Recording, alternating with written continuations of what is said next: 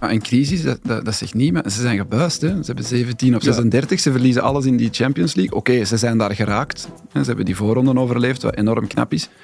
Maar nu staan ze daar met 0 op uh, 9. En dan 17 of 36 in, in de competitie, ja. Het is, wel, het is wel een crisis, De cijfers, ja, maar ik heb niet het gevoel dat dat zo naar ons komt. Ik ben voetbaljournalist Janko Weekman en vandaag verleer ik de voetbalactualiteit met mijn collega Koen Frans en onze chef voetbal Ludo van de Wallen. Welkom bij de voetbalpodcast van het Nieuwsblad. Welkom bij Shotcast.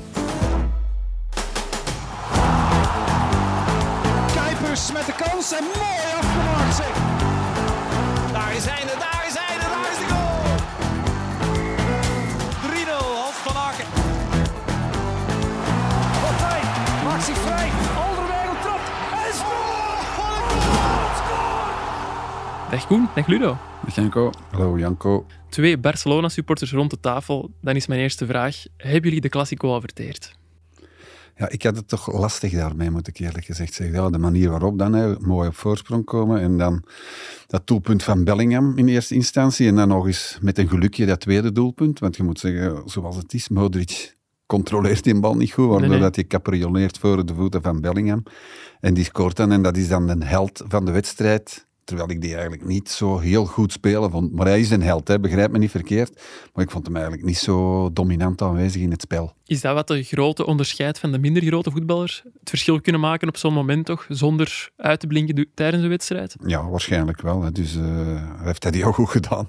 Moest hij bij Barcelona spelen, zo stonden we hier nu op de tafel te dansen. Dus eh, is spijtig genoeg. Ik hoop eh, dat hij nu geval. eindelijk stopt met scoren, want dat is toch echt niet normaal. Die, die zit aan 13 goals in 13 matchen en dat Ja. is niet eens een aanvaller. Als middenvelder inderdaad. Ja, allee, hij speelt wel soms als, als valse negen, maar ehm, ik maak me nog geen zorgen. Vorig jaar, rond deze tijd van het jaar, verloor Barça ook van Real. Eh, in Madrid weliswaar. En ze werden toch nog kampioen. Het, het spel is voldoende, vind ik. Mhm. Eh, zeker gezien de vele geblesseerden. Maar ja, Real Madrid heeft Bellingham en, en Barça heeft die niet. En dat is, dat is wel pijnlijk en dat is wel jammer. Ja. Horen jullie trouwens dat ik iets uitgeruster klink dan de voorbije weken? Ja, ik merk het ook aan uw ogen. precies. Scherper ook, hè? Ja, ja, ja. Ja, inderdaad. Ja, er was vanmorgen geen ochtendshow bij Play Nostalgie. Allee, er was er alleen maar niet met mij, omdat het de herfstvakantie is. Dus ik ben eh, extra fris en fruitig voor, eh voor Shotcast Tot hoe lang heb je kunnen slapen dan? Ik heb eh, ook de volledige voorbereiding al gisteravond gedaan. Dus eh, ik heb vandaag... Ges... Ah nee, ja, tot kwart voor zeven. Dus dat is- toch drie uur langer dan gewoonlijk. Met, met, met 20 uur erbij. Dan, Ja, het is eh, echt een topweekend ja. geweest voor mij. Buiten die Classico dan. Goed, die Classico gaan we trouwens eh, donderdag nog iets uitgebreider bespreken met Frank Raas en Frankie van der Els. Want dan wordt er een nieuwe Frank en Frankie opgenomen. Dus ik stel voor dat wij eerst het Belgische voetbalweekend gaan fileren. Club Brugge klopte Antwerpen met 2-1 in een wedstrijd de naam topper onwaardig. Een euforische Ronnie Deila gezien, Ludo? Nee, eigenlijk niet. Hij was eigenlijk heel rustig en besefte heel goed dat Club Brugge heel goed was weggekomen. Want zo is het ook natuurlijk. In de laatste was in de negentigste minuut en er waren vier minuten extra tijd. Dus als je dan scoort, ja, dan ben je goed weggekomen. Hè. Anders zat, het, zat Club Brugge toch met een ander gevoel, denk ik, die, eh, als het 1-1 was gebleven. Ja, tot die eh, winning goal was het gevoel ook vrij negatief. Bij de fans had ik de indruk. Ja, in Jan Breidel veel gefluit, veel gemor. Ja, het was echt een heel, een heel slechte wedstrijd. Ik, eh, ik heb me be- bedenking Stel dat deze wedstrijd in Eupen wordt gespeeld voor 2.000 à 3.000 mensen. Ik denk dat wij zouden spreken over degradatievoetbal. Het was technisch ondermaats. Het was, eh, ja, tactisch zat het helemaal vast. Nee, het was niet goed. Het ging traag. eh, veel spel achteruit. Het was niet... Club Brugge kon niet, denk ik. En, eh, en Antwerpen wilde niet. Zeker niet in de eerste helft. Nee, In zijn eerste helft waren er gewoon geen kansen bijna. De- Beide ploegen wilden precies vooral niet verliezen, namen heel weinig risico's in hun spel en ja, houden het eh, organisatorisch strak ehm, om vooral niks weg te geven. En dat is toch opmerkelijk bij die twee ploegen. Ik vond, vind ik vond nu wel, Brugge probeerde toch nog wel een beetje op, de helft, op ja. de helft van Antwerpen te spelen. Maar, maar Antwerpen wilde niet gewoon. Wil- Nee. Ze wilden niet in de eerste Maar zo, heeft geen Tokis gespeeld op Antwerpen. Dus misschien hadden ze zoiets van, ja, als die andere topploegen dat mogen, dan mogen wij dat ook wel eens doen. Wat wel klopt, uiteraard. Ehm, maar ja, voor de neutrale voetballiefhebber is dat dan niet fijn dat je ja, uitkijkt naar zo'n topmatch en eigenlijk ja, niks te zien krijgt. Nee, ik had zondagsdienst en ik moest dan uh, ja, de ghostwriter spelen van René van der Rijk, onze huisanalist bij het Nieuwsblad. En die zei mij ook van, ja, er zijn heel veel data en statistieken tegenwoordig. Ik zou nu echt graag eens weten hoeveel laterale en, en passes achteruit Club Brugge heeft gegeven voor rust en vooral. En dat gaat onze collega Wim Konings trouwens uittellen voor onze website van het Nieuwsblad. Maar het viel inderdaad wel op dat het ja, een soort ja, angstig voetbal was bij Club Brugge. Ja, ik denk dat er bij alle twee de ploegen wel de schrik in zit. Hè. Ze hebben eigenlijk alle twee hun start in de competitie gemist. Uh, Antwerpen heeft dan nog eens die, krijgt dan nog eens die klappen in de, in de Champions League. Dus ja, er is natuurlijk wel wat reserve om, uh, om vooruit te spelen. Maar dat betekent niet... Allee, ik zeg altijd, als je met twee verdedigt, dan is er altijd wel één ploeg die wint of verliest. Als je met twee aanvalt, is dat precies hetzelfde. Dus uh, pas op, ik parafraseer hier nu een van de grootste voetbalkinders aller tijden, Johan Cruijff. Maar uh, ja, ik kan dat toch even zeggen, want als ze dan toch luisteren, als ze dat weten. Uit dus, Nederland uh, of zo. ja, ja, inderdaad, maar zo is het ook. Daarom ga er toch voor zorg dat je een beetje vertrouwen krijgt op die manier. Is Club Brugge nu vertrokken, Ludo? Nee, uh, zeker niet goed. Ik heb uh, donderdag, daar hebben, ze, daar hebben ze mij ook fijntjes op gewezen, geschreven van ja, de grote testval uh, volgt tegen Antwerpen. Als ze dat ook winnen, ja, dan zijn ze misschien wel gelanceerd. Die, misschien, die had ik misschien wat meer in de verf moeten zetten. ik heb niet het gevoel dat ze nu gelanceerd zijn. We hebben nu al woensdag die wedstrijd op Beerschot. Beerschot, dat niet slecht bezig is in, uh, in de Challenger Pro League. Niet, niet, uiteraard niet de helft van de kwaliteit heeft van Club Brugge, maar je weet nooit op het kiel. En dan uh, ja, zondag tegen Union. Dat wordt ook wel bijzonder Stevige interessant. Test, met ja. Union alweer gewonnen dit weekend met uh, 1-3 op Westerlo. Maar volgens Alexander Blessing was het weer geen goede wedstrijd van zijn ploeg. Ja, als je al die slechte wedstrijden blijft winnen, dan, dan ga je aan het einde van de rit gewoon kampioen worden, denk ik. Over Club Brugge wou ik nog zeggen. Ze winnen nu wel in Lugano en thuis tegen Antwerpen. En eigenlijk creëren ze minder dan in al die wedstrijden waarin ze niet hebben gewonnen. Ze bouwen Mhm. iets meer zekerheid in. De Kuiper is eruit. Meijer komt in de plek. Defensief iets sterker, denk ik. Ja. Eh, ze, brengen, of ze halen ook Vet Leesen eruit. Ehm, donderdag speelde Balanta, dit weekend Onyedika met Nielsen. Dat is iets meer zekerheid inbouwen, iets meer ja, organisatie, waardoor ze ook minder creëren. Maar ze winnen dan wel twee keer. Dus het is zo'n beetje... Ja, wat wil je? Wedstrijden domineren en niet winnen. Waarvan die wedstrijd tegen Besiktas misschien het meest extreme voorbeeld was. Ja. Of ja, minder spelen, maar wel winnen. Ik vermoed dat de trainer, de spelers, de supporters altijd het tweede zullen kiezen. Maar op termijn moet natuurlijk de combinatie van beide worden. Goed spelen en winnen. Bij Club Brugge deden ze de voorbije weken wel alles aan om te benadrukken dat het geen crisis was in Brugge. Maar er was dan op de persconferentie toch een zekere opluchting merkbaar bij Ronnie Deila. Ja, zeker en vast. Allee, bij, heel, bij heel Brugge, hè. de supporters stonden na de wedstrijd op de banken echt. Zo blij waren ze dat ze hadden gewonnen. En dan nog tegen Antwerpen, wat toch op een of andere manier na Anderlecht hun grootste aardsrivaal is. Dus uh, ja, de opluchting was uh, vooral groot. En het is nu kijken wat zij uh, nog gaan brengen. Hè. De, de, deze week is weer een heel belangrijke week volgens mij voor Club Brugge. Woensdag al wacht Beerschot. We zitten hier aan tafel met een ex-Beerschot-watcher in de vorm van Koen Frans. Moet Club Brugge Beerschot vrezen? Ik was dit weekend ook Beerschot-watcher ad interim. Ah, okay. Ik heb de wedstrijd uh, gezien voor Gazet van Antwerpen tegen Dender thuis. Die ze verloren met 0-1, maar waarin ze niet slecht speelden. Bij Beerschot leeft ook het gevoel, heb ik de indruk, dat er iets kan. Maar als ik eerlijk moet zijn, het niveau in, in de Challenger Pro League, de tweede klasse, ligt lager dan de voorbije jaren. Ja. Beerschot draait daar nu bovenaan mee, maar ik denk niet dat ze, dat ze eigenlijk kans maken tegen Club Brugge. Ik heb beide wedstrijden gezien, Club Brugge Antwerp en, en Beerschot Dender.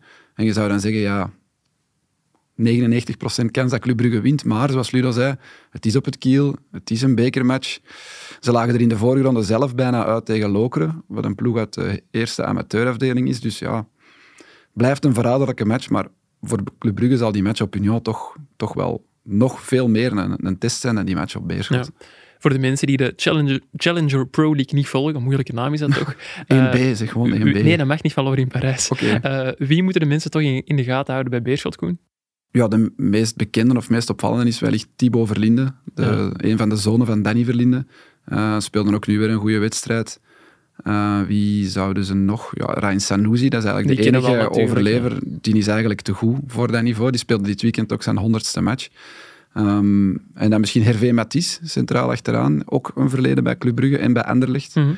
uh, heel goede verdediger. Ja, die drie, denk ik, zullen zo wat de, de meest opvallende figuren zijn bij Beerschot. Ja. We hebben het afgelopen weken ook al vaak over uh, Antwerpen gehad, omdat ze ook in de Champions League speelden en wij daar specials rond maken.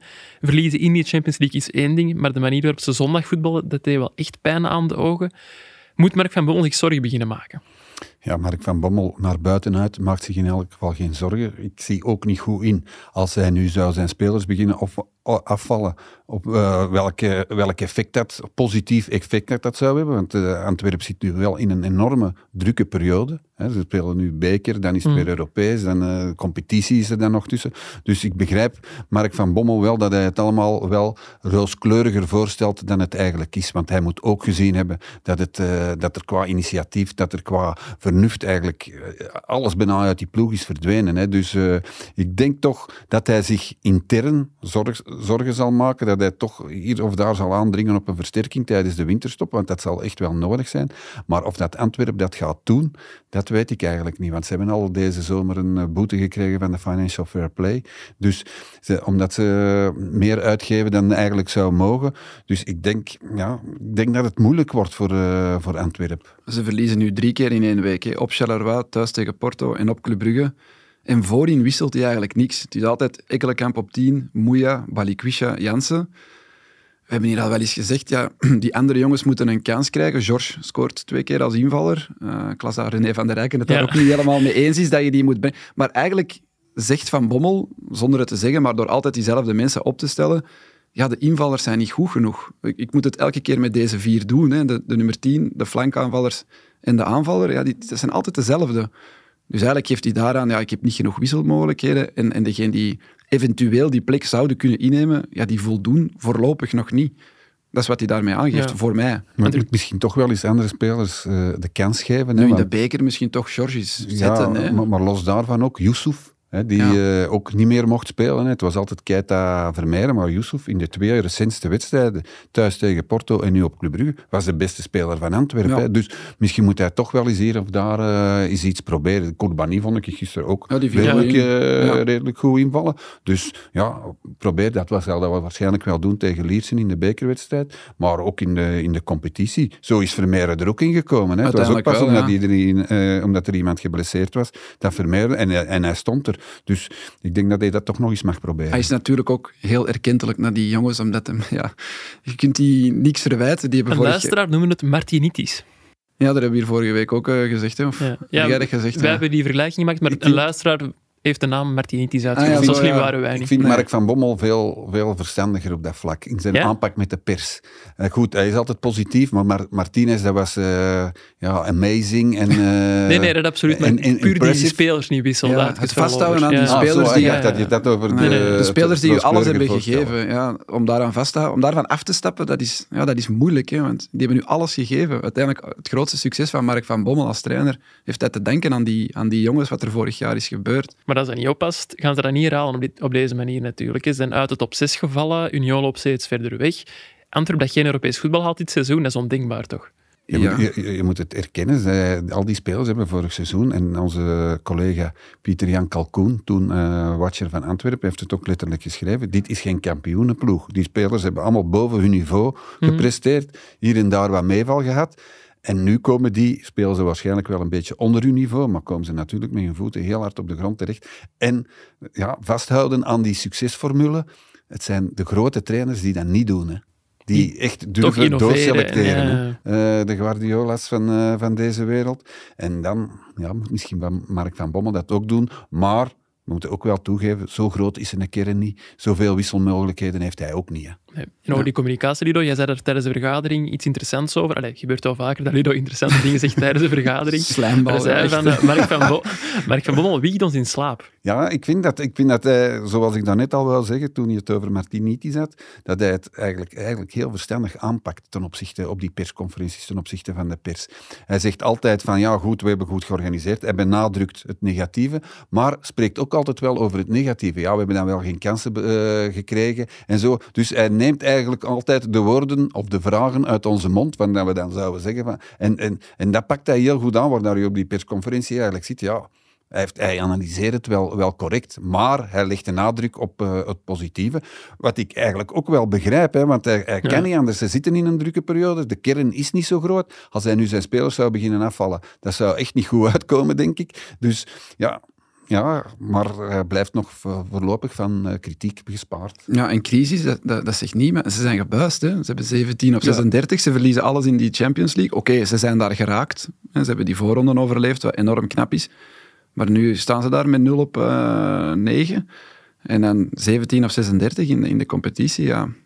Het is, wel, het is wel een crisis. De, de cijfers, ja, maar ik heb niet het gevoel dat dat zo ook naar niet, ons ook komt. Niet bij, ook niet bij de supporters. Hè. Nee. Het is niet dat zij... Maar op, op Twitter, het is maar Twitter moeten we er dan bij zeggen, heb ik toch al hier en daar gelezen van Van Bommel buiten, Ivan Leko is vrij. Ja, dat, is, dat is heel vroeg. Maar Heb je echt gelezen? Echt, meerdere mensen, niet van één persoon, meerdere mensen. Maar die werden ook wel door collega's, supporters erop gewezen van, overdrijft hij nog niet een beetje? Ja, maar dat, dat, dat ben ik pakt- het wel mee eens Dat trouwens. mag wel niet Bommel- blijven duren, denk ik. Dat is Mark, wel. Mark van Bommel dan ook slim aan. Hij zegt, want onze collega David van den Broek heeft de vraag ook gesteld. Allee, ja, hoe komt dat nu dat dat hier zo rustig blijft? Dan heeft hij ook gezegd, ja, wat zou je willen? We winnen de beker, we, winnen, we worden kampioen, we winnen de Supercup en we kwalificeren ons voor de Champions League. Ja, toch nog even wijzen op die successen Ja, dan wordt hij ja. toch nog eens even eh, erop gewezen van eh, oei, oei, wat Antwerpen de afgelopen drie maanden heeft gedaan, is eigenlijk wel redelijk spectaculair. Maar die reeks van 17 op 36, dat mag wel geen twee keer Nee, achter elkaar niet, gebeuren. Nu moeten er wel meer punten dat gepakt was dan worden. ook zijn uitleg. Van, eh, dat was wel, wel ook grappig. Ja, vorig jaar zijn we begonnen met 27 op 27.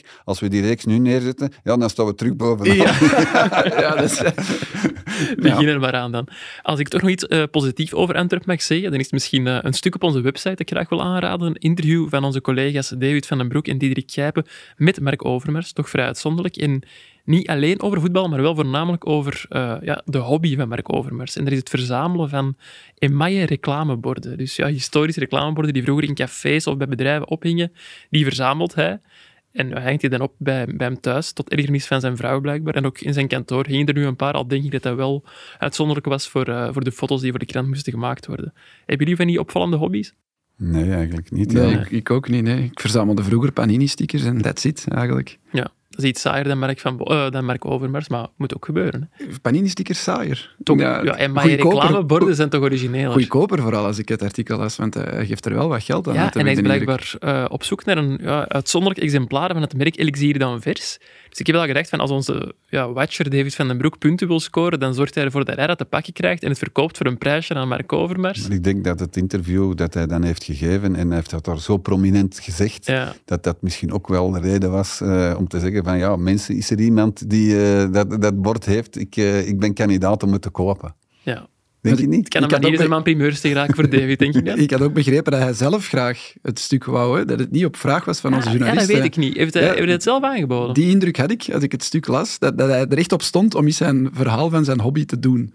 Dus hij is er echt wel heel trots op, of hij wil heel graag dat bord. Nee, maar ik heb het daar nu per toeval gisteren met iemand over gehad die daar veel van weet, die veel naar rommelmarkten gaat en zo. En die zegt dat er waanzinnige bedragen worden voor gegeven, hè, voor die eh emaille reclameborden. Ja. Die zelfs die verroest zijn dan, uiteraard, nou, omdat die al zo lang, eh, zo lang bestaan. En die zegt, er worden waanzinnige bedragen voor gegeven. Hè. Maar ik nam blijkbaar vroeger echt op Europese verplaatsingen en zo rond in de stad om binnen te kijken in cafeetjes en, zo, en te zien of ze daar bordjes hadden hangen. Dat vind ik, ja, ik vind dat echt heel straf. Dat vind ik ook wel fijn, eerlijk gezegd. ja. Beter dan op je Playstation of, eh, of te zitten gokken, zoals die Italiaanse voetballers doen in hun vrije tijd. Zeker waar. Als er mensen het uh, Elixir dan verse bordje in hun bezit hebben, wat dat straf zou zijn, of het weten hangen, laat het weten op shotcast.nieuwsblad.be en dan brengen wij u in contact met uh, Mark Overmars. Nee, wij zijn bereid om het te kopen en dan zullen we het wel doorverkopen aan, eh aan Mark Overmars. Ludo Netto. Met, hoek, met hoekerwiesten. Het was eh, een soort Super Sunday trouwens, gisteren, want er was zondag ook A-Gent standaard, een wedstrijd die eindigde op 3-1. Ludo, heb je daar beter geamuseerd dan eh, in het Jan Breidelstadion? Ja, het was eh, in alle opzichten beter. Het, niveau van het voetbal was beter. Ook de, ma- de manier waarop sommige spelers zich in de kijker hebben gespeeld was, eh, was fijn. En ja, mooie acties gezien, vooral dan van A-agent. Ja, vooral van A-Gent. Is dat de beste eerste helft die we dit seizoen al gezien hebben in België, of alleen van A-Gent? Ja, ik meen me te herinneren dat ik hier een paar weken geleden ook euforisch deed over Gent-Genk. Ja, dat klopt. dat ook zo'n goede wedstrijd was. Dat ik ook heel eh, goede dingen heb gezien. Dus ik denk qua wedstrijd dat dat er toch nog altijd bovenuit steekt. Maar wat uh, Agent op bepaalde momenten liet zien, dat was heel knap. Tot, uh, dacht Hugo Kuipers op een bepaald moment een hakje probeerde. Dat was een heel mooie actie. En dan stond uh, Van Hazenbroek wel serieus te tempesten aan, de, aan, aan de zeilen. Want dat wilde hij toch absoluut niet zien. Wat je bij Gent-Genk had, dat waren beide ploegen die heel ja. goed voetbal nu speelden. Was Gent positief. Vooral. Nu was het vooral Gent stond daar in de eerste helft. Op die penalty na heb je die eigenlijk bijna niet gezien. Uh, het was vooral een hele straffe helft van Gent. Maar ja, zoals altijd, die tweede helft is dan een pak minder. Die, die leek zomaar te duren. Die kabbelde zo wat voort. Er gebeurde eigenlijk heel, heel weinig. Maar die eerste helft van Gent was, wat mij betreft, wel het beste dat ik dit seizoen al heb gezien. Wie waren dan de hoofdrolspelers? Voor mij Archie Brown vind ik altijd wel een geweldige ja, op die flank. Want Fossi de week voordien uh, tegen Anderlecht, ja. die was bij alle doelpunten bijna betrokken. Mm -hmm. In positieve zin dan, de doelpunten van Standaard. Maar die zag echt sterk hè, met die Brown. Die ging ja, erover. Ik krijg hier net een napje binnen van onze standaardwatcher, uh, Thomas Standaard. Die zegt dat uh, Fossi met een verkoudheid thuis, thuis is gebleven vandaag. Ja, nee, dat, dat was echt indrukwekkend. Het straffen aan die Brown was, die gaf zijn eerste assist van het seizoen. In mijn hoofd heeft hij al heel veel statistieken, want hij gaat altijd mee, is heel gevaarlijk, maar dat was zijn eerste assist van het seizoen. Ja, maar het schijnt dat hij de laatste weken uh, wel wat minder was. Maar wat hij gisteren liet zien, enorme snelheid op de eerste meter. En die voorzet die hij gaf, die ja. mocht er ook wel zijn. Heel complete wel... voetbal. Fysiek ja, sterk, snel, technisch goed. Ja, heel miste daar nog, alleen miste. Uh, Bodaar pakte nog de kopbal van Hong, of Brown had twee assists gehad. Tissou Dali vond ik ook heel goed. Die begint eindelijk een beetje terug naar ja, niveau van voor zijn een actie voor de duimen en vingers vanaf te likken. Hè. In de baklijn, twee, tussen twee standaardspelers op een vierkante meter. Dat daar die bak nog. Ja, ja, Dat was echt... Ja, maar bij dat doelpunt ook. Oké, okay, het is Ginepo die voor hem staat, die hem zo met een, met een lichaamsbeweging eigenlijk ja, het bos instuurt en dan overhoeks uh, scoort. Um, maar ja, dat is toch... Ja, dat is een Tissoudali van, uh, van voor zijn kruisbandblessure. En ja, ze hebben daar dan Hong, Kuipers, Tissoudali, uh, dat middenveld, de Saar... Kums en dan ja, die verdedigers, je hebt dan Brown en, en um, Samoise op rechts. Ja, dat is gewoon... Ik en we noemen de naam Gift Orban niet eens meer. Nee, nee die is er niet ingekomen. Die, nee. die was twijfelachtig. En, en Hij is er wel ingekomen. Is hem er toch nog ingekomen? Ah, want die uh, deed tekenen in de tweede helft van, ja, ik weet het niet, iets als een lease of zo. Um, Swat, die was niet helemaal fit, denk ik. Maar effectief, die, we vernoemen die niet. Nee. En in het begin van het seizoen zeiden we... Dat ja, alleen, gaat geen kampioen maken. Ja, en alleen als ze Orban niet verkopen, kunnen ze kampioen spelen. Maar nu hebben ze hem zelfs niet meer nodig om een topmatch te winnen. Nee, als we het over hoofdrol hebben, moeten we het ook over Davy Roef hebben. Die stopte twee penalties van Wilfried Kenga. Koen, jij hebt daar een paar eh, cijfers over opgezocht, heb ik gezien op Twitter. Ja, ik was dus benieuwd hoeveel, hoeveel penalties hij ondertussen al had gestopt eh, in zijn carrière. Dat zijn er 14 op 36. Uh, eh, penaltyreeksen niet meegerekend, mm want hij heeft er ook twee gepakt tegen Anderlecht in de bekerfinale en vorig jaar eentje tegen Karabach in een penaltyreeks in de Conference League. Dat is 39% van zijn penalties dat hij pakt. Twee op vijf ja. ja, 4 op 10, 2 op 5. Ja. ja. En ik was eens gaan zien wat er eigenlijk doelmannen zijn die dat, ja, dat soort cijfers kunnen voorleggen. Ik heb er eigenlijk maar één gevonden. Dat is Diego Alves. Ik weet niet of je die kent. Hij is een ex-keeper van Valencia, een Braziliaan. Ja. Hij was jarenlang in La Liga, stond hij erom bekend dat hij heel veel penalties pakte. Hij heeft er drie van Ronaldo gepakt, één van Messi, één van Griezmann. Amai. En deze zijn cijfers waren 28 op 70. En dat is 40 procent. Op de kop, 40 procent. Dus iets beter dan Roef Iets nog. beter. Maar verder vind ik echt niemand. En niemand die zelfs maar in de buurt komt. Dus die cijfers van Roef zijn echt wel, wel gek. Als er nu nog andere mensen... Want ik heb niet alle doelmannen hun statistieken Nee. opgezocht. Ik heb gewoon gedacht aan wie pakte er wel eens regelmatig een penalty. Maar bijvoorbeeld Team Krul, hè, die door Louis van Gaal mee naar het WK werd genomen Mhm. en daar een hoofdrol heeft gekregen. Ja, die heeft er maar 15% gepakt in zijn carrière. Davy Roef moet mee naar het EK, hoor ik hier. Ja, als Courtois fit is, dan denk ik dat, dat eh, Tedesco altijd gaat kiezen voor Courtois, Casteels, Cels. Maar als Courtois niet fit is, dan heb je Casteels, Cels. En dan ja, Bodar, Kaminski, ja, de derde doelman die eigenlijk waarschijnlijk toch niet in actie zal komen, die ook nog nooit voor de Rode Duivels gespeeld heeft. Of, of heel weinig toch. Waarom dan niet Roef als, als derde doelman meepakken? Stel dat het eens op een penaltyreeks aankomt, ja, dan breng hem gewoon in. Hij pakt er minstens één en, en mogelijk twee. Dan zit het toch al vrij zeker dat je die penaltyreeks wint, of niet? Ik zie jullie ook knikken. Ja, misschien eh, Tedesco. Nee, ik denk aan de, aan, aan de coaches. Hè, want Ah, oké. toen Louis van Gaal dat heeft gedaan met Team Krul, ja, dan stond de voetbalwereld op zijn kop. Ja. Van, oh, hoe is dat nu mogelijk? En dit en dat. Dat is dan wel eens gelukt. Hè. Maar goed, eh, de, heel veel coaches waren, zeiden van, ja, dat kan je niet maken. Ik denk dat de Disco dat ook zou durven. Dat is toch ook wel iemand die... Je gelooft in data toch? Ja, en als ja. de data zeggen dat Roeven er zo goed in is. Ja, ja. maar ik heb de cijfers van Courtois en, en eh, Casteels bijvoorbeeld nog niet opgezocht. Als het verschil te klein is, Maar Courtois, dan de gaat laatste jaren, want voordien was dat ook een ramp, die pakte ook nauwelijks een penalty, maar de laatste jaren pakt hij wel veel penalties. Dus Waar is de kans dat Courtois meegaat natuurlijk? Dat is ook nog de vraag. Ja, dat is inderdaad eh, een grote vraag op dit moment. Maar ja, ik zou, ik zou dat ook wel durven al- als coach. Zeker als je dan eh Davy Roef hebt, die op een of andere manier daar toch in slaagt. Die staat met zijn armen naar omhoog. Ik heb dat eens proberen te ontleden gisteren, wat hij eigenlijk allemaal doet. Ik denk dat hij gewoon heel lang wacht totdat die penalty-trapper trapt. En dat, dat hem dan zijn hoek kiest. Dat hem echt heel, iets langer wacht dan andere doelmannen doorgaans doen. Eh, en dat hij dan die, eh, dat, de hoek kiest. En twee keer was dat de juiste hoek. Hij Had hij nu- van Aasbroek er een verklaring voor? voor de ik heb het hem van gevraagd, eh, Janko. Ik vraag van, en hij zei, nee, ik weet evenveel als jij zei. Dus, eh, en ik heb hem dan gerepliceerd van, ja, maar jij weet toch bijna alles. Waardoor hij dan zei van, ja, dat is inderdaad waar. en, eh, en hij dan toch een uitleg heeft gegeven. En dat was dat er in provinciaal, dat hij wel veel coaches in provinciaal en het amateurvoetbal eh, keepers in het amateurvoetbal kent, die zoiets doen. En dat Ja. is waar ook. Ik, ik ken ook keepers in het amateurvoetbal die, die goed waren in penalties pakken. En er waren er die dat niet allemaal niet konden. Voor hem is dat iets, je hebt dat of je hebt dat niet. Hij heeft nu wel gezegd, Roef, dat hij de beelden had bestudeerd van Kanga. Maar Kanga heeft in heel zijn carrière nog maar twee penalties getrapt en dat was ergens in eh, Zwitserland of zo. Een rustige week dan voor, voor Davy. Ja, maar dan vraag ik me af wel- welke beelden, of hebben die trainingsbeelden van Kanga die penalties trapt op training of zo. Ik, ik vraag me dat echt, echt, echt af, hoe dat hij hoe dat die weet waar Kanga gaat trappen. Misschien En werken ze bij spionnen bij eh AA Gent. bij de tweede zei hij wel, ja, dan is het een mentaal spel. Want Kanga heeft er alleen getrapt. Ja, dan is het gewoon, gaat hij voor een andere hoek kiezen of, of, of voor dezelfde? En ja, ik koos dezelfde. Hij heeft hem twee keer klem vast. Ja, ja, ja, dat, was ook het zot, hè. opmerkelijke. Hè? Want Jansen miste er ook twee tegen eh, De Fournie, hè, tegen RWDM. Maar dat waren twee vrij goed getrapte penalties. Nu, Roef heeft hem gewoon twee keer klem vast. En tegen die IJslanders donderdag had hem hem ook klem vast. Dus op vier dagen heeft hij drie penalties klem vast gestopt. Dat is wel volgens heel mij nog straf. nooit gebeurd. Ja. Ja, ik Ja, zei net, Wat, wat, wat als zijn zwakpunt dan wordt omschreven, hè, is dat hij altijd zo rustig is, dat hij zich eigenlijk nooit opwindt, hè, dat hij enorm, en- enorm kalm is, wordt dan plotseling een pluspunt. Hè, zo gaat dat. Hè. Elk- ja, als je hem zou meepakken naar het TK, Davy Roef lijkt me ook geen vervelende jongen om in de groep te hebben. Rustige Nee, gast, zeker gewoon. niet, ja. zeker niet. Die heeft eigenlijk nog maar, die is 29 jaar, hè, wordt er in, in februari 30. Die heeft eigenlijk nog maar twee seizoenen ergens eerste keeper geweest. Dat is bij, Ja. bij Beveren.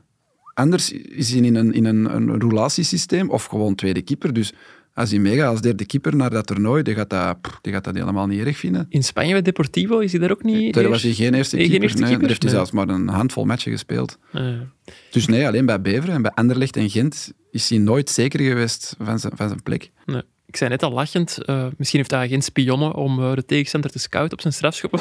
Zou dat nog gebeuren in het moderne voetbal? Werken met spionnen? Maar ik ken één verhaal. Mark Brijs? Nee, Ah. Roberto Martinez zou het vroeger ook gedaan hebben. Die zou soms steward gebruikt hebben om ja, dus mensen van zijn staf als steward verkleed hebben om naar de laatste training van de tegenstander te gaan kijken, om zo te zien welke tactiek ze zouden spelen. Ja, dus dat, dat zou best Ja, kunnen. ik dacht dat er echt verhalen waren uit de jaren 80 en 90 nog, maar dat, dat gebeurt dus vandaag nog Ik altijd. dacht dat Bielsa dat ook... eh, ja, Bielsa inderdaad, daar Er hoort is je toch ook nog een verhaal van dat hij in de struiken In de was gekropen ja, ja, ja. Om, eh, om de tegenstander eh, te ontleden. Nog één ding over, over Roef. Ja, de expected goals voor een penalty, want die waren vrij hoog gisteren voor standaard. Ja, dat, die er te- dat is 0,76. Dus de statistieken geven er eigenlijk ja, 75% kans, 76, dat, dat een penalty binnengaat. Maar als je dan ja, 40% stopt, dan, ja, dan kun je die statistieken gewoon weggooien. Ja, doe bijna dubbel zo goed, want eigenlijk worden er maar 0,24 gemist. En dat begint nu te leven. Hè. De volgende eh, speler in de Belgische competitie die een strafschop moet trappen en Roef staat daar in de goal. Ja, psychologisch nadeel, ja, die sowieso. gaat toch denken van, oei, daar hebben we hem weer. was wel eh, niet de enige die een penalty pakte. Zijn collega aan de overkant deed het ook met de Hugo Kuipers. Wel opvallend, Kanga, Kuipers mist allebei een strafschop nadat er een overtreding op hen was gemaakt. De mythe zegt, neem nooit een penalty als de overtreding op jou is gemaakt. Hoe denken jullie daarover? Ik vind dat ook, ja. Ik, heb dat nooit gedaan. Pierre Ellebout, eh, die ooit met eh, onze co-watcher voor AA Gent, Mhm. die ooit met René van der Rijken heeft eh, gewerkt, zei na, het- na zelfs toen Kuipers dus was eh, neergegaan, zei van ja, oei, Kuipers gaat hem trappen. René van der Rijken, onze analist, zei dat dat nooit mag gebeuren. Mhm. Dat nooit eh, degene waar de fout op is gebeurd, dat die ook de strafschop mag trappen. René van der Rijken blijkt gelijk te hebben. Ja, ik ben gaan kijken. In Duitsland is er ooit onderzoek naar gedaan. Hebben ze meer dan 800 strafschoppen bestudeerd. En daaruit bleek dat er eigenlijk geen significant verschil is tussen het al dan niet eh, ja, onder, allez, het slachtoffer geweest te zijn van de, van de overtreding. Het grappige is dat bij die derde penalty gebeurt de fout op Genepo en die wou heel graag ook Ja. die penalty Ja. trappen. Inderdaad. Maar Van Heusden kwam ertussen en die zei nee, terug kan En je. die zei, nee, nee, als de fout op u begaan is, dan moet je Ja, niet trappen. Er zijn twee voorbeelden geweest in de eerste helft. De fout was op u, dan miste jij zeker. Maar ja, kan jij miste dan ook, dus het maakte niet uit. Twee penalties pakken is straf, maar drie keer scoren misschien nog straffer. Dat deed Anders Draaier voor Anderlecht tegen OA Leuven. Een wedstrijd die op 5-1 eindigde. Hebben jullie ooit een hattrick gemaakt? Ik wel. Ik ook. Allebei. Dan ben ik de enige hier aan tafel die het nooit heeft gedaan. Seba, de cameraman, misschien ook niet? Nee, wij Maar twee jij niet. wordt een verdediger. Of... Ja, maar ik eh, werd wel vaak, eh allez, vaak, soms Daniel van Buiten gewijs nog eh, naar voren gestuurd in het slot van de Ja, wedstrijd. maar dat jij is zo groot zijn waarschijnlijk. Nee, ja, bij de jeugd was ik wel vrij groot eigenlijk. Bij de jeugd. Maar in de Ja, slot- nee, nee, niet in de eerste ploeg, daar, daar niet meer. In Nee. de slotfase dan nog een hittrick. Ik kreeg gewoon te weinig tijd om een hittrick Ja, te het kunnen was maken. inderdaad te laat. Ja, Ik moest ja, ja. altijd zoals Toby Alderweireld en Daniel van Buiten nog mee gaan koppen voorin. Veel te weinig tijd voor eh, nog drie doelpunten. Frank Raas, een wijze man, die zei ooit alleen domme mensen veranderen nooit van gedacht. En wat blijkt, onze Anderlecht-watcher Jurgen Girel is geen dom man, want die zei voor het seizoen met elf draaiers wordt hij geen kampioen. Maar ik las vandaag in zijn stuk dat hij toch stilaan eh, aan het draaien is. Terecht? Aan het, aan het draaien. Ja, Nee, dat was eh, de mop, bedankt. ah ja, ik had hem ik hem niet helemaal goed gehoord. Eh, ja, ik vind, dat, ik vind dat een heel opmerkelijke speler. En ik vond de, de, de kop boven het artikel eigenlijk het beste van al. Ik heb hem hier Je hebt hem afgedrukt. zelfs boven uw bed gaan, ja. Alles of niets, dat, eh, dat maakt hem anders. Omdat, ja... Dat hem op eens ja, ja, nee, go- nee, dat ga ik niet uitleggen. Hij schreef het ook, Jurgen. Over wie gaat het over? Anders, Anders ja. Ja, ja, Ludo. nu heb je het toch uitgelegd. Ehm, maar eh, Jurgen zei, oftewel moeten die een 9 geven, oftewel een 5. Die speelt nooit een 6 of een 7. Dat is zo'n speler, ja, oftewel vervloekt je die zijn wedstrijd, oftewel is dat uw matchwinnaar. En, eh, Kort, kort gezegd, als hij scoort, heeft hij goed gespeeld, hè, zoals hij nu heeft gedaan. Als hij niet scoort, hij is toch veel, heel veel afwezig in de wedstrijd. Hoor. het is een werker, het is, Ja. het is technisch het opmerkelijkste vond ik, we hebben dan eh, dit weekend dat, eh drie, dat triple interview gehad met Goots. Ehm, Meus. Meus en eh, Jan Keulemans. En Goots poneert daar van, ja, wat ik het ergste vind, hè, dat ging dan heel veel over de spitsen van Antwerpen en, eh, en Club Brugge, dat ze niet meer van buiten de baklijn naar het toe trappen. Ja. Dreyer maakt er drie, drie vanuit de, van buiten het Die heeft dat artikel gelezen. Ja. we zien Bellingham, eh, die scoort. We zien eh, Kane en in Bournemouth Burnley, ene, die van aan het middenveld eh, de keeper lobben en, eh, en scoren.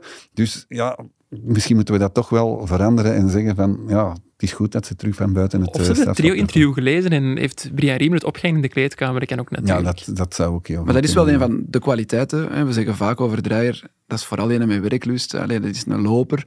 Maar die heeft wel een heel goed afstandsschot. Dat scoorde dat vorig jaar gebleken. tegen Villarreal ook niet eh, op die manier. Ik moet er wel bij zeggen, een van die drie was wel gewoon een voorzet die aan de tweede paal binnenwaait.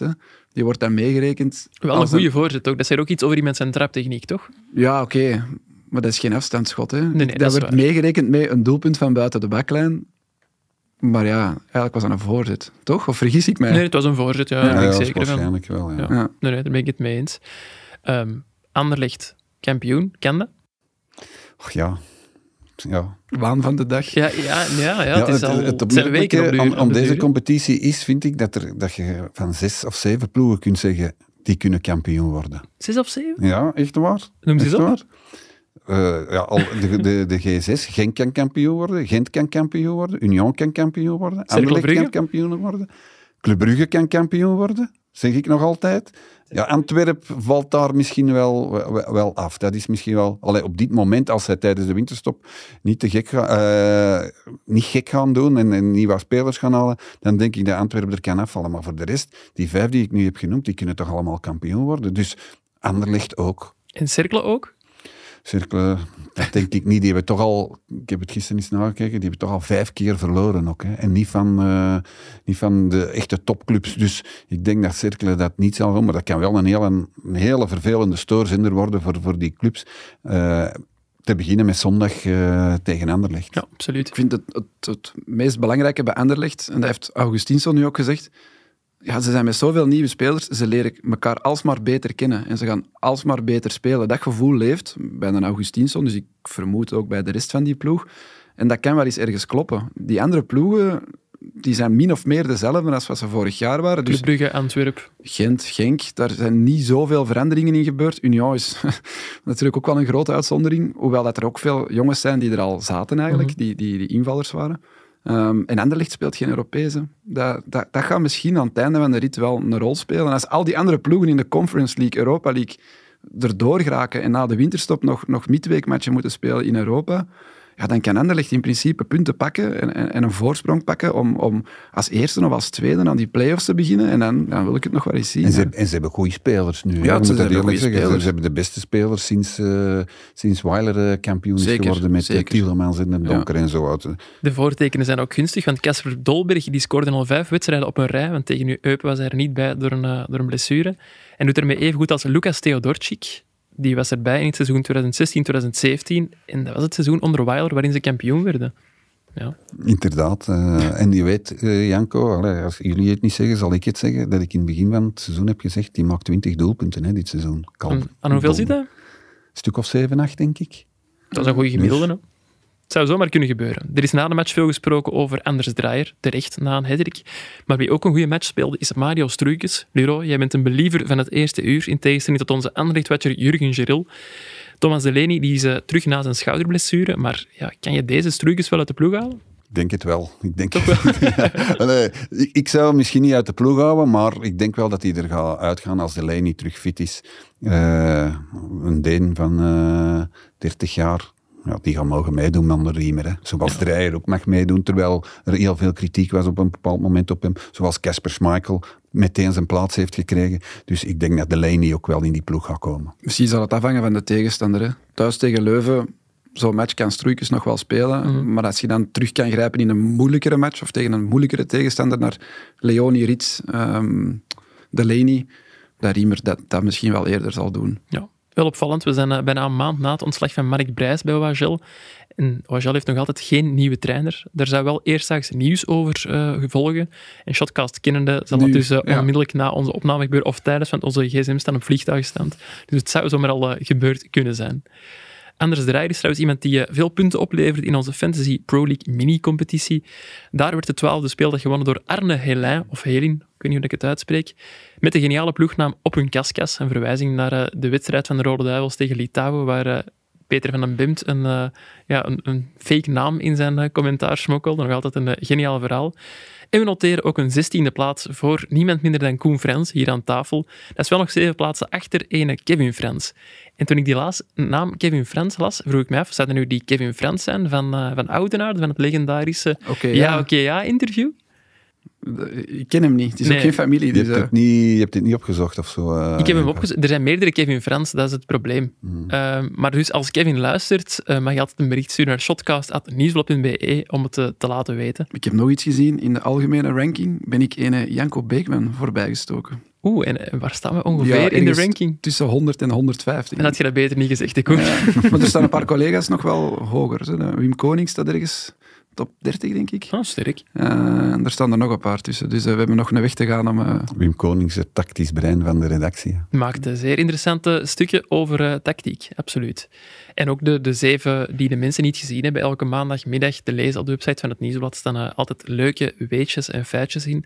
Kevin Frans is trouwens een eh, legende in de lagere reeks, wat mij betreft. Dus als er mensen nog legendes in de lagere reeks hebben gespot, dat was uw bruggetje. mogen ze dat doorsturen naar shotcast.nieuwsblad.be. Want het is, even, het is even stilgevallen, moet ik zeggen. We hebben eh, een inzending gekregen, Wannes van Tricht. Vond ik nu niet echt een legende, maar we hebben hem bij deze toch vernoemd. En En waar speelt hij? ja, ik heb het Oei. zelf niet opgeschreven, Ja, sorry. Waar moeten we die kennen? Van bij KV Mechelen, jeugdspeler van KV Mechelen. En eh Sir John McDonald is ook opnieuw doorgestuurd, maar die hadden we al benoemd in een van de eerste En die voetbalt afleveringen. nog altijd, hè? Bij Bij, ja, met Van Hemert is Ja. dat in de ploeg, ja. inderdaad. En Kevin van den Berg bij, maar die had ook al binnengekregen. Dus we zoeken nieuwe legendes in de lagere reeksen. Er stonden zondag ook in het buitenland een paar topaffiches op het programma. Inter Roma was er daar eentje van. De terugkeer van Romelu Lukaku naar zijn oude ploeg. Een felbeladen wedstrijd dus. En wij waren daar met Jurgen Geril een man ter plaatse. Je weet, San Siro, dat is een stadion van 75.000 man met heel steile tribunes. Sclessin, maar dan maal 5, maal 10. Als iedereen daar begint te fluiten, dan veroorzaakt echt een geluid niet normaal. Um, ik had een decibelmeter op mijn gsm geïnstalleerd en uh, ik meette een piek van 112,2 decibel. Dat staat gelijk met een laag vliegend vliegtuig dat over uw hoofd scheert. Dus dat is echt overweldigend. Dat moet ook op Lukaku wel een effect gehad hebben. Ook al deed hij alsof het hem niks kon schelen, maar toch onmogelijk dat het hem niks gedaan heeft. Um, je weet, die fluitjes, daar is heel veel om te doen geweest. Eerst mocht de harde kern 50.000 fluitjes uitdelen, dan 30.000. Dat werd dan weer geannuleerd door de politie. Uiteindelijk was er een akkoord dat um, de fluitjes mochten worden uitgedeeld, maar wie betrapt werd, die kreeg een boete van 22 euro. Belachelijk natuurlijk, want niemand heeft zich daar uh, iets van aangetrokken. Je raakte ook heel makkelijk aan die fluitjes. Ik had na vijf minuten al een, al een, een Lukaku-fluit uh, beet en dat bedoel ik niet dubbelzinnig. Um, ik heb er wel niet op geblazen, want ik, ik, hoopte echt dat Lukaku ging scoren. Je steunt een, een, een rode duivel, maar, uh, maar helaas. Ik kan wel zeggen dat de actie met de fluitjes zeer hard was, maar toch binnen bepaalde grenzen. Um, er waren wel twee supporters die ook met opblaasbare bananen kwamen, wat dat ten zeerste afgekeurd moet worden, want dat zijn racistische beledigingen naar Lukaku. Dat, dat, dat, dat mocht echt niet gebeuren, maar de actie met de fluitjes vond ik eigenlijk wel nog oké. Misschien is dat een idee om dat ook eens in België te doen. Bijvoorbeeld als Ronnie Dijlen naar Standaard terugkeert, dat is nu wel al gebeurd. Maar waarom zou de harde kern van Standaard dan eens geen 20.000 fluitjes uitdelen om zo'n effect te veroorzaken zonder bepaalde grenzen te overschrijden? De supporters van Inter hebben zich dus fel laten horen. En wie zich nog fel heeft laten opmerken, helaas, waren de supporters van Marseille. Die bekogelden de spelersbus van Lyon met stenen en raakten daarbij Fabio Grosso, de trainer van Lyon, op het hoofd. Die match werd uiteindelijk niet meer gespeeld. Ik heb daarover trouwens een interessant mailtje gekregen van een uh, luisteraar, Simon Kallarts heet hij. Zijn vraag is, wat is de reden dat wanneer dergelijke incidenten zich voordoen, er altijd gesproken wordt over de harde kern? Ik vraag mij af of deze term niet een zeer slecht beeld geeft voor de jonge fans. Harde kern doet vermoeden dat je het hart van de club bent. En toch worden zij altijd in verband gebracht met rellen en agressie. Heeft hij een punt? Moeten we niet consequent een andere naam zoeken voor de mensen die bij die rellen en wantoestanden betrokken zijn? Welke dan? Hooligans? Of? Ja, ja zijn gewoon, gewoon hooligans, hooligans hè, ja. of criminelen wat mij betreft. Want het, het, het is niet anders. Hè. De, hij heeft zeker een punt.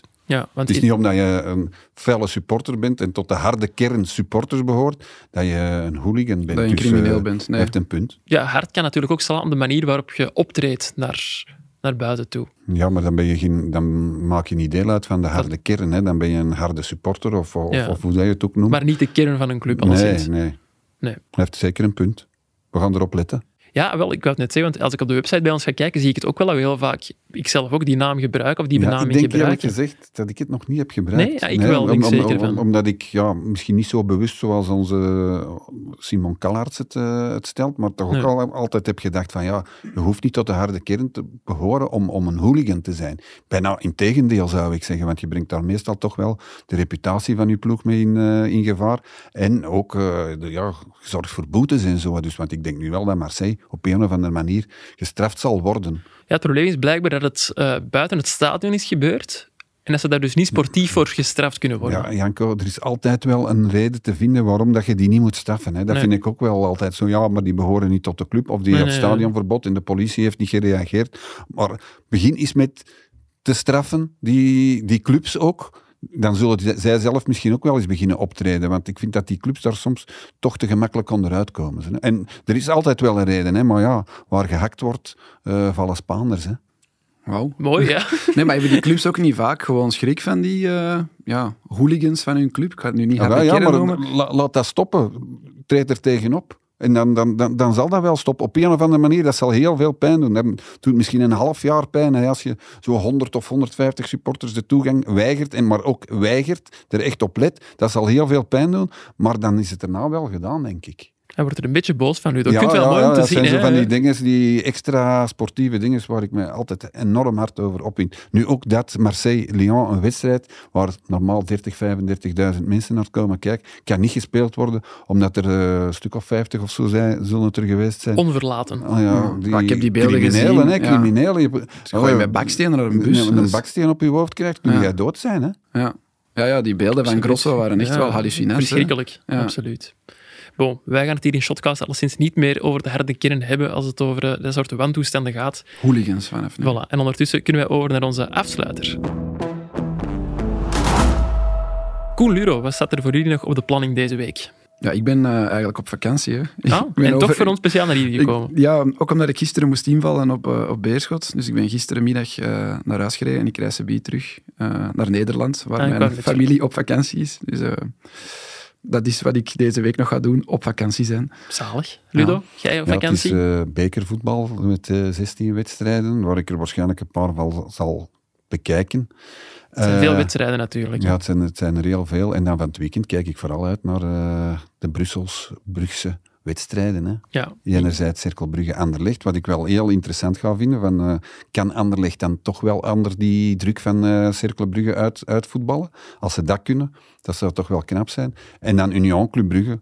Hoe ver staat Union? Union die daar elke week door de trainer of door het bestuur wordt gezegd, we spelen niet goed. Ja. En, en Club Brugge, die niet goed spelen, maar daar misschien wel iets kunnen van halen. En misschien wel dat we dan eindelijk eens kunnen zeggen, ja, de wederopstanding is ingezet. Ik weet het niet, maar dat vind ik wel... eh allee, zo naar zondag kijk ik wel heel hard uit. Ik wou nog zeggen over Union, want we hebben het er eigenlijk heel weinig over gehad. Die Dat is heel bewust. We hebben eh, woensdag Frank en Frankie en die willen Union echt Ik bebier ook. hè. Ja. uitgebreid bespreken. Terecht, want die komen nu ook weer. Ik heb die match tegen Lask gezien. Ik zat echt op het puntje van mijn, eh, van mijn zetel. Omdat je gevoelde, je zag, Union gaat, die nog, ja, gaat Ja. hier gelijk maken, die gaan er nog over gaan. En het moment dat Burgess die een 2-1 binnenkomt, sprong ik echt terecht. Gewoon uit blijdschap dat, dat Union, de ploeg die eigenlijk altijd ervoor blijft gaan, die, die match nog heeft gewonnen. En dit weekend komen ze weer op achterstand. Ja. Buigen ze dat weer om. Die kunnen nog in de competitie die een Amura op de bank zetten. Die valt in, die scoort. Het is, ja, kijk, Alles klikt in elkaar bij ja, dat is echt niet normaal. Je kunt dat bijna niet, ja, je kunt dat bijna niet uitleggen hoe dat, dat kan, dat die zoveel matchen blijven winnen. Nee. Wat de Cercle Brugge betreft, jij hebt vorige week KV Mechelen de tip gegeven van het is op een andere manier te proberen tegen Cercle Brugge. Steven de Voer heeft niet geluisterd naar u, heeft er ook spijt van gekregen, want ze verloren tegen Cercle Brugge. Ik heb gezien, de degradatieplaatsen, daar staan momenteel met Westerlo en KV Mechelen twee Antwerpse ploegen. Maken ze zich al zorgen bij GVA, Koen? Ja, het is crisis. Hè. Subiet is het crisisvergadering, denk ik. Eh, nee, ja, die, ja. Dat zou, maar voor de, voor de krant, Gazet van Antwerpen, zou dat toch een ramp zijn dat er Ja, twee dat- Antwerpse ploegen eh, verdwijnen uit de Ja, als klasse? dan Beerschot niet zou stijgen, dan zitten ze daar met, met drie. Want je merkt, eh, met vier, sorry, Liersen ook nog. Je merkt dat heel hard, ook qua interesse van de lezer. Mhm. De, de, de cijfers ook op de website. Tweede klasse is toch nog altijd een, een, een vergeetput, een kerkhof, eh, noem het zoals je wilt.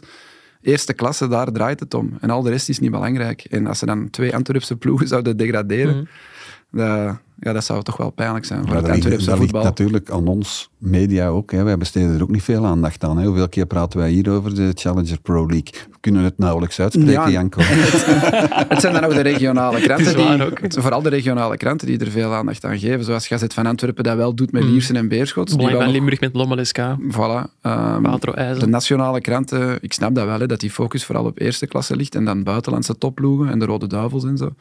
Je hebt ook maar een beperkt aantal pagina's in je krant natuurlijk. Ja, en en je moet er ook rekening mee houden. Waar, wat lezen de mensen? Hè? Ja, Ik is bedoel, als, als, als het niet wordt gelezen, ja, moet je er dan eh, elke week eh, drie pagina's aan geven. Ik vind dat positief dat wij als krant ook nog wel ons best doen om de tussen aanhalingstekens kleinere ploegen in 1A of in de Jupiler Pro League aandacht te geven. De Cer- Cercle van deze wereld. Ik had een KV fantastisch Kortrijk. stuk gelezen van STVV deze week. Ah Ja, het is eindelijk verschenen inderdaad. Met een stuk over eh, de Japanse connecties van Sintra. Ja, ik heb het niet gelezen, ik heb het overgeslagen. Ja, de STVV-girls nogthans een aanrader, die filmpjes. Eh, worden goede nummers door gemaakt. Ik ben deze week Club Brugge Watcher interim. Ik eh, volg woensdag de wedstrijd op, eh, op Beerschot eh, van Club Brugge en zondag die op Union. Dus ik ga Ronnie Delen ook veel vragen mogen stellen deze week. Maandag vertel ik daar alles over in Shotcast. Vrijdag ben ik te gast in Croquette, de ex-podcast van... Allee, ex-podcast, nog steeds podcast van Koen, die hij mee uit de grond heeft gestampt, om de Classico te gaan bespreken met Michael van Varenberg. Kijk ik ook naar uit. Woensdag, veel te doen deze week. Ja. Geen vakantie, mag ook eens benoemd worden. Hè. Eh, Dat jij eens geen ja. vakantie heeft. nou ja. krijg ik Frank en Frankie hier over de vloer om eh, on- onder meer Union, Cercle Brugge en ook de Classico te bespreken. En vanavond kijk ik ook uit naar de uitreiking van de Ballon d'Or, de Gouden Bal. Zeg het eens, man, wie wint er? We weten het toch al, hè?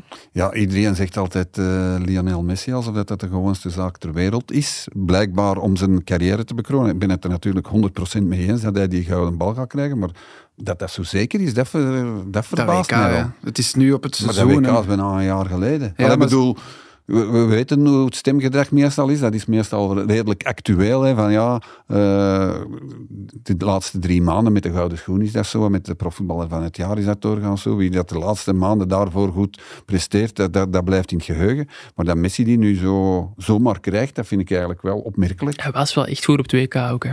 Ja, hij was goed. Hij is gewoon de beste speler aller tijden. eh, Janko, daar gaan we niet over discussiëren. Maar dat hij hem krijgt, 100% mee eens. Maar dat iedereen daar zo zeker van is, dat, dat, dat, dat verbaast Ik denk ook een beetje bij het gebrek aan andere topfavorieten.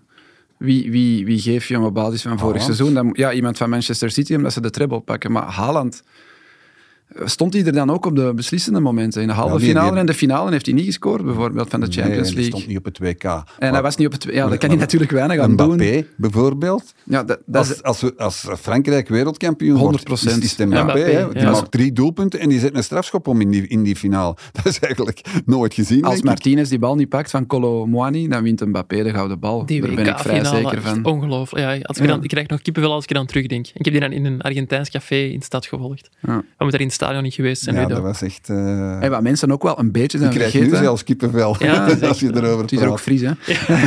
Eh, in dat seizoen, eh, want dat WK viel midden in het seizoen, maar in dat seizoen was Messi ook nog bij 40 doelpunten betrokken.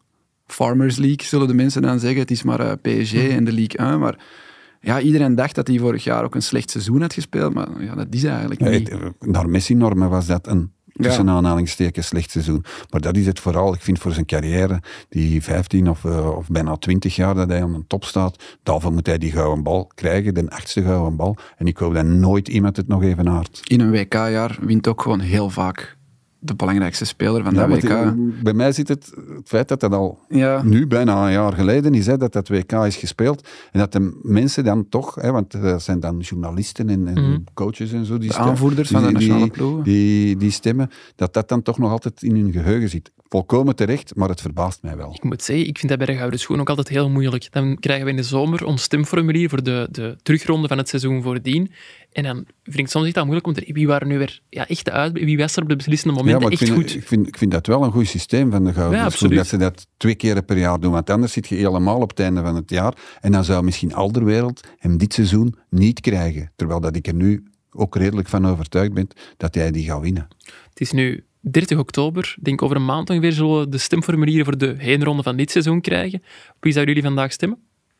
Ik overval jullie, besef ik. Ja, ik vond het vorig jaar in de zomer heel gemakkelijk om Alderweireld op één te zetten, maar nu, nu zou ik hem misschien niet op één zetten, maar ja, wie, wie dan wel?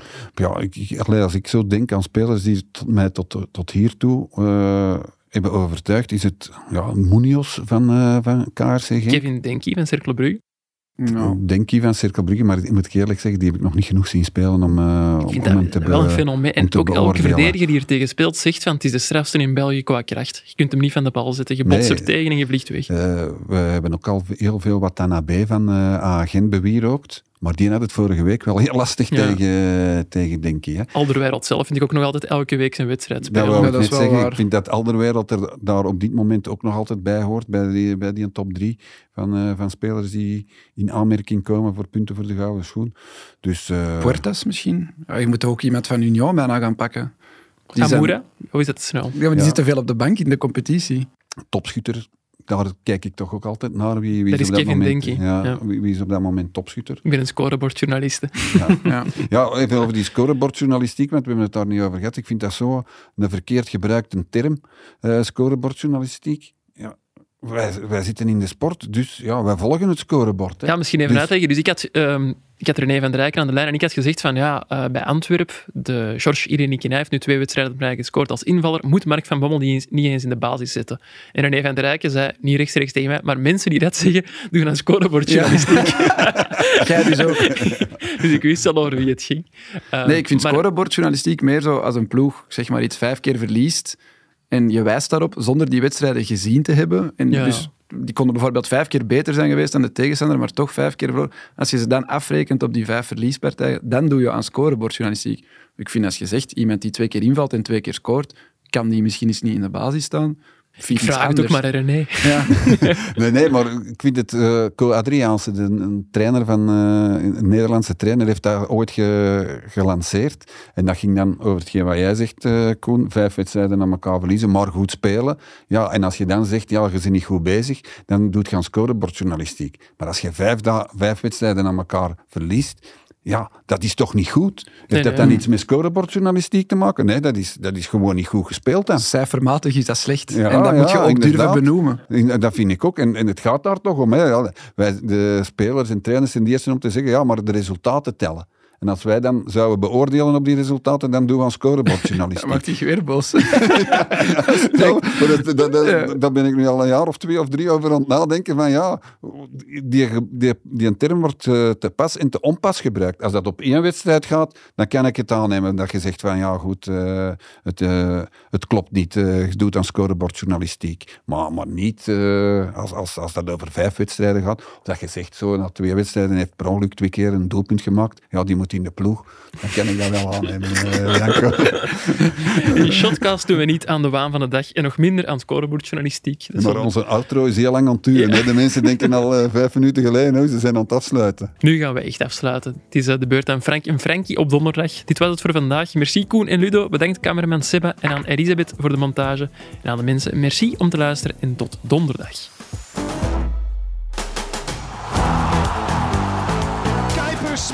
Met de kans en mooi